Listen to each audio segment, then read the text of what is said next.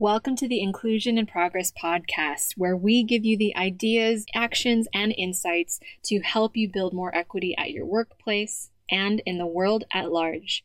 I'm your host, Kay Fabella, international expert on diversity, equity, and inclusion, a Filipino American living in Spain, and your guide in navigating this DEI journey.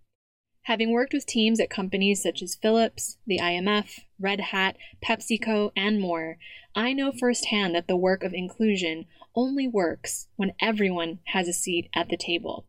Regardless of your personal entry point into this conversation, your race, ethnicity, gender, ability, age, sexual orientation, country of origin, or educational background, we all have a role to play in creating inclusion for all.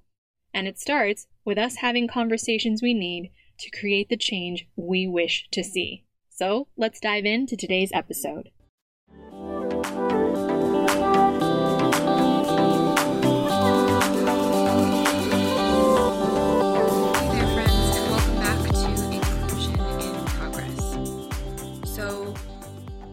Had an entirely different episode planned for today at the start of June.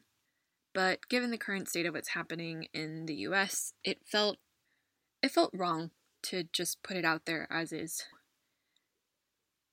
I'm going to be honest, I have mixed feelings about the fact that all of a sudden my professional work in diversity, equity, and inclusion is taking off against the backdrop of this horrific landscape. On the one hand, more allies across the world are reaching out to me asking for resources and expertise to elevate these conversations in their organizations. But I'm also holding space for colleagues and clients in DNI, mostly in the Black Black American community, dealing with psychological trauma and PTSD at scale. I hear and see their tearful messages through email and video and it hurts to witness firsthand. I've worked through this weekend to be able to effectively deliver solutions that clients desperately need. And at the same time, I'm also holding space for non black friends and loved ones who, understandably, are also processing this trauma. On WhatsApp, I'm looped into a George Floyd rally that's being organized here in Madrid we're on a committee brainstorming ideas for what we'd like to do. On Voxer, I'm holding space for allies who are processing their journeys out loud with me in a safe container, where I'm offering them no criticism or judgment, just a place for them to, to feel what they need to feel as they work through what they want to do next. I'm on LinkedIn with obviously fellow DNI practitioners, clients, and colleagues from around the world who are each experiencing this in their own way and of course on Zoom with friends who are helping me to process my own feelings because I have to do that too. I've had to delete social media apps and limit my content consumption just to be able to sit with and hold space for all of the emotions of people who are directly connected to me. Non minority allies, in particular, white cisgender men and women, who are reckoning with the undeniable proof of systemic racism on their feeds and in their news cycles won't ever fully understand the lived experiences of our black brothers and sisters, but they are desperate to try and do better. And I am here for it. Since we're on this discussion, I'm going to take a little bit of a bolder stance here than I think I think I normally would on this podcast because I'm very hesitant to use specific terms that are very emotionally loaded, right? Because I want to be mindful of the fact that if you're listening to this and you're at different stages on your own DNI journey, I want to make the language as inclusive for you as possible as either an ally or a minority alike. And I don't want to use words that repel, but rather use words that call you in to to lead the discussion alongside me. So I'm very hyper aware as somebody who operates in English and Spanish pretty regularly, being, you know, an American living in Spain. I know that language has to be inviting to companies and non minority leaders who actually want to do this work to create equity at scale. So, with that caveat, I want to tell you this might be a bit of a trigger warning, but what we're seeing, pure and simple, is a social system that is built on anti blackness and white supremacy, finally coming to a head. This is not new or surprising to those of us who are non white, who work hard to advocate for diversity and inclusion in companies, who take to the streets as social justice activists only to have their stories erased. And it's definitely not a surprise for those of us who take a keen interest in human behavior and history, which we know shapes our current events and our attitudes and our society today. This is a broad sweeping generalization. The countries that had guns and ships first, that got to sail around the world in a land grab, also exported their attitudes, their prejudices, and their behaviors to the places that they colonized, which we're still seeing ramifications play out of those historical events today. And you can take it from me. I'm a US passport holder whose birth country was built on slavery and stealing lands from Native Americans, as well as a descendant of Filipinos who were colonized by both Spaniards and Americans and are still trying to figure out what our Filipino identity actually means. And I want to make a side note because, as you know, I'm married to a Spaniard, my husband Javi. He has heard this uncensored conversation many times, and bless him, he's now, I would say, the wokest Spaniard I know. simply because he lives with me. He's a big part of the reason that I do this work because I have seen firsthand his own growth as an ally, as an advocate in diversity and inclusion over time, just because he's listening to me and he's asking questions and he's informing himself. And he reminds me every day as we learn, as we stumble, as we talk through these issues together, that not all action for equality has to be loud or visible, just quiet and consistent. So I know it's possible for all of you, for all of us, if you're listening to this too. But I also want to stress this conversation around what's happening in America is not just a black versus white issue. It's not even just an American issue. It affects all of us. I think that's a lesson that we've learned pretty hard in this pandemic, and I hope that that is something that I can drive home for you now in this conversation around race as well. Different non black, I'm going to use two terms here US and UK terms. So BIPOC, Black Indigenous People of Color in the US, or BAME, Black Asian Minority Ethnic in the UK, different non black individuals from both of those groups have to do this work to dismantle anti blackness too.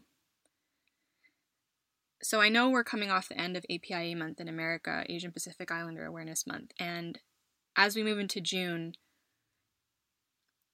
I really want to take this opportunity for my Asian brothers and sisters who are listening, my Asian American brothers and sisters who are listening.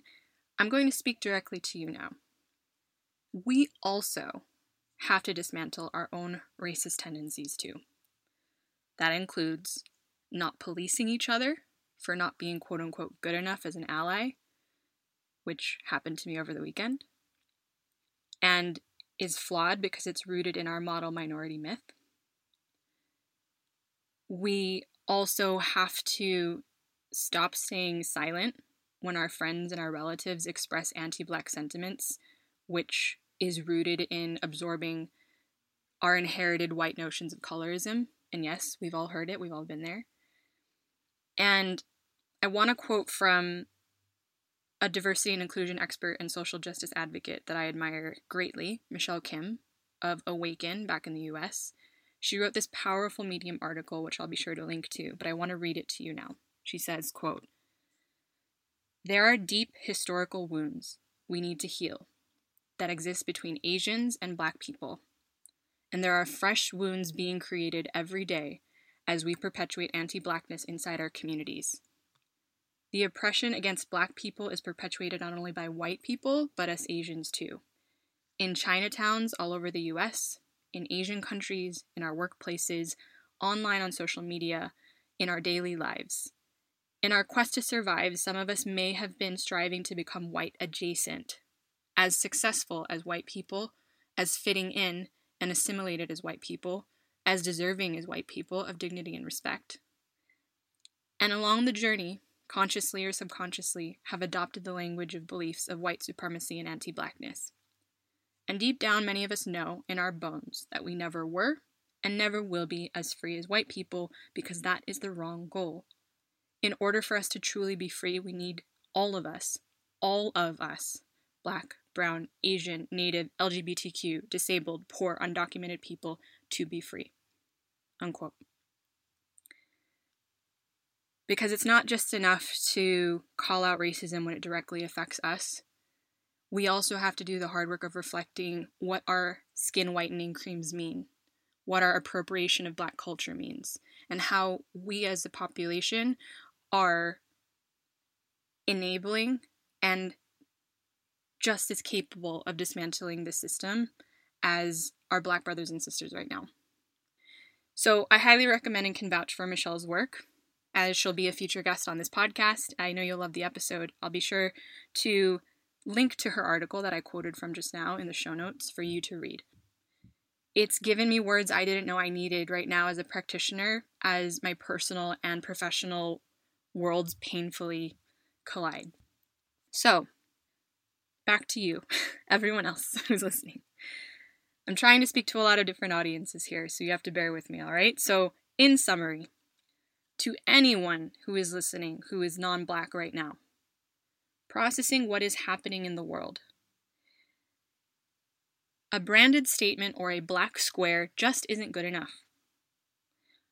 We all have work to do to confront our biases and prejudices, minorities and non minorities alike. My final thoughts on this.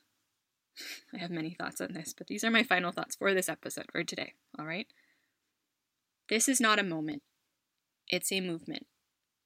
We need all hands on deck. But we also need to pace ourselves. We need allies calling out white supremacy. But we also need to do the offline reflection of what this all means and what we specifically want to do as individuals to fix it. We need immediate action, but we also need sustainable, long term solutions for change.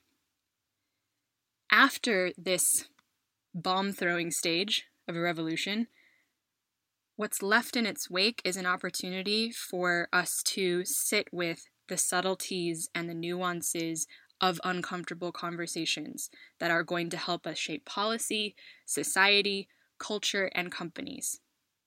To take this watershed moment from a hashtag Black Lives Matter to lasting change that actually benefits everyone in our generation and for generations to come. So, what do long term solutions look like? Well, that brings me to the topic of today's episode. So, as you know, back in April, I hosted an executive roundtable discussion with several big tech firms Google, Tesla, Amazon, DoorDash, and GitHub. The topic? The future of work culture during and after COVID 19 across remote teams. Remember, folks, we're still in a pandemic. it's it's so hard to believe with everything happening right now, right? But we are still in a pandemic. It's true. And amidst so much uncertainty, when we contacted these big tech firms to discuss practices and policies and protocols that they were implementing for employees during the pandemic, our intention was to gather insights to share with other innovative, inclusion minded leaders like those of you who are listening, to apply to your own organizations and guide your people through a very challenging time. What resulted was a rich discussion about diversity, equity, and inclusion, and how tech companies are using the same values that they pride themselves on innovation, creativity, and agility to serve customers' changing behaviors, and create people focused solutions for distributed teams, and in the process are shaping the future of work for us all.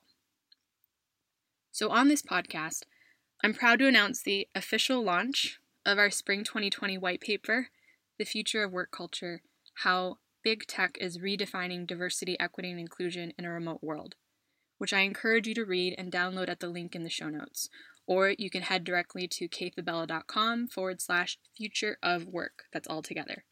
So I'll spell my name for those of you who are tuning into the podcast for the first time. It's K A Y Fab, F as in Frank, A, B as in boy, Ella, E L L A dot com forward slash future of work altogether. Once you enter your name and email address, you'll receive a copy of the white paper directly in your inbox. And as always, we'd love to hear what you think and discuss ways that you can apply this to your organization, especially given how timely this conversation is right now. I'm going to warn you, it is a dense piece of work, okay? Writing and preparing it almost felt like putting together my university thesis all over again. but we truly wanted to pack in as many insights and research back trends into the paper to serve companies and leaders who need to lead this discussion right now. So, over the next few episodes of Inclusion in Progress, I'll be diving into key takeaways from the white paper for you to consider and digest as you read through it. Again, you can download your copy of this white paper at the link in the show notes or head to kayfabella.com forward slash future of work. So let's dive into the key challenges that tech companies were facing with the sudden move to distributed teams at the start of COVID 19. The pace of change in technology and the economy and society were all collective forces that were reshaping our modern workplace even before the pandemic. And so today, tech organizations are being forced, like many of us, to restructure our workplaces, to redefine our roles, to learn new skills quickly, and find a way to cultivate trust across distributed teams. All, of course, while adapting to COVID 19. In the process, companies are redefining what work culture means as they strive to serve their remote workforces in a way that continues to foster innovation, engagement, and productivity. Even though it wasn't how we planned, the future of work is here. And as flexible working environments continue to reshape our companies and how they operate even post pandemic, we've identified three key challenges facing technology firms. The first is crisis management and recovery. The second is connectivity, communication, and culture. And the third is changing expectations of work and leadership. So, for crisis management and recovery, as we know, this pandemic is affecting all of us, but we're also learning it's affecting different employee populations in dramatically different ways. Some are juggling work calls with managing homeschooling, some are dealing with isolation and anxiety, while others are watching their families and communities fight to stay alive. So, our key takeaway here was that we learned that leaders at tech organizations must demonstrate cultural competence to be able to communicate effectively and transparently with all their diverse groups of employees during and after this crisis. And so, to be able to connect with all of your different employees, it's important to foster a universal sense of connection across remote teams. So, we found during our roundtable discussion that performance, productivity, and engagement depend on employees' feelings of belonging and connection to company culture, making diversity, equity, and inclusion, or DEI work, even more critical than ever. The second thing was connectivity, communication, and culture. As these tech companies have encouraged employees to continue working remotely, even being among the first to send employees home when the pandemic struck. Leaders will face challenges to all of these things connectivity, communication, and collaboration, which are even more pronounced in geographically distributed teams. So, companies for this future working environment have to be proactive in creating greater transparency in their communications to reduce the risk of losing diverse talent. The future working environment is drastically shifting how we communicate and collaborate, specifically moving away from linear communication such as email toward more sophisticated digital tools that enable remote teamwork and accountability and assignment of specific tasks across projects. Since collaboration strengthens relationships, we learned that the correct choice of technologies should allow for relationship building activities between team members, as well as project based communications when working in a virtual environment. Tech companies are also being forced to revisit and redefine what company culture means to support newly remote employees. In the current crisis, middle managers are scrambling to support direct reports dealing with mental health challenges, increasing racial discrimination, especially against Black Americans or those of Asian descent, financial uncertainty, and social inequities that have been exacerbated by this pandemic. At work, ever changing policies are impacting individuals in different ways based on, for example, an employee's socioeconomic status, their living situation, family structure, immigration status, or simply the ease of virtual alternatives to daily work, which can perpetuate inequities in the workplace and beyond. So, it's really important for organizations to continue to take steps to expand inclusive cultures at work through both internal and external communication strategies, through programs, through data collection practices and interventions that continue to move us forward to a more just, equitable world. The third challenge was changing expectations of work and leadership. I don't know about you, but business as usual just won't cut it. And I know it won't be the reality when we emerge from COVID 19. Our roundtable participants definitely concurred with that.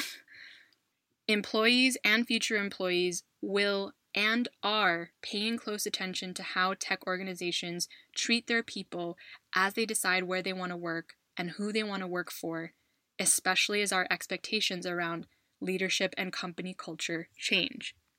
So during this crisis, we've witnessed shifting expectations of how company leaders are interacting and engaging with their employees. We've seen internal memos and external statements condemning anti black racism in the wake of George Floyd's death, which was lauded by both employees and consumers. So, previous pre pandemic corporate hierarchies, this idea of a top down approach to leadership, things like lack of flexible working policies, stigmas around mental health and vulnerability at work, and expectations of quote unquote culture fit were all long overdue for an update. Moving forward into the future of work, leaders are going to increasingly be expected to model authenticity and transparency in their communications, to facilitate the open exchange of ideas and conversations across their organizations, and of course, to provide greater autonomy at manager, team, and individual levels. In addition to that, many tech workers are eager to continue working from home, even when the crisis ends.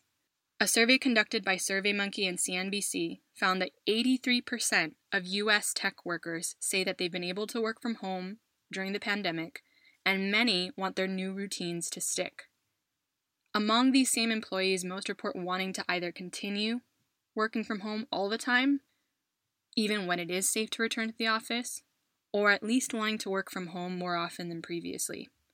Generation Z is also entering the workforce as the most ethnically and racially diverse generation that we've seen to date, and they will soon account for over one third of the global population.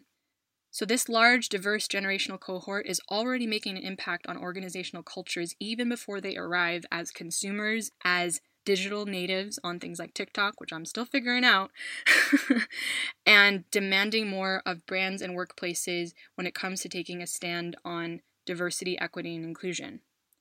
Generation Z respondents of global surveys were also more likely to stay with organizations that they perceived as having diverse and inclusive workforces. So, tech companies should not just fortify their existing flexible working protocols and policies to adapt to the needs of their current workforce, but also their future one.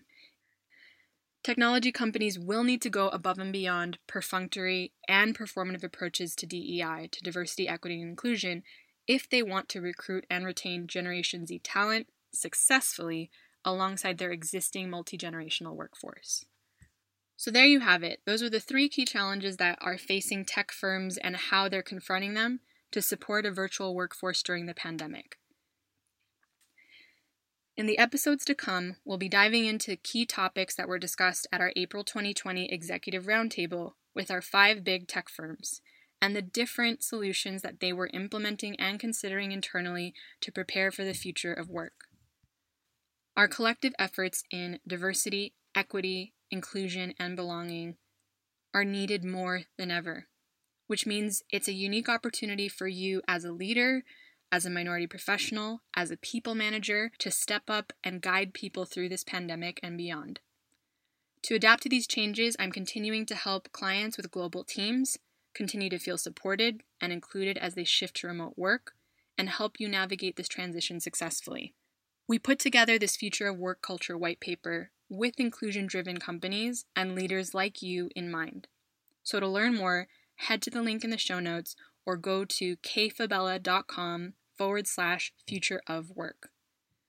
And of course, please don't forget to subscribe to Inclusion in Progress to listen to our future episodes as we dive into the rest of our white paper on how big tech companies are adapting to serve distributed teams. Next week, we'll actually hear from one of the participants of the roundtable discussion from Amazon, so be sure to stay tuned for that. Thank you so much for joining us. Your time and your attention, especially now with everything that's happening in the world, really means a great deal to me and Team Kay. And last but not least, I really do want to thank you for joining us for today's episode. And no matter where in the world this finds you, no matter what time you tune into this, I'm sending you love and strength and resilience wherever you are. And the solidarity of knowing that someone is working alongside you in this long, long journey that we have to take to build a more inclusive world. I'll see you back here next week for another episode of Inclusion in Progress. And until then, be well and stay safe.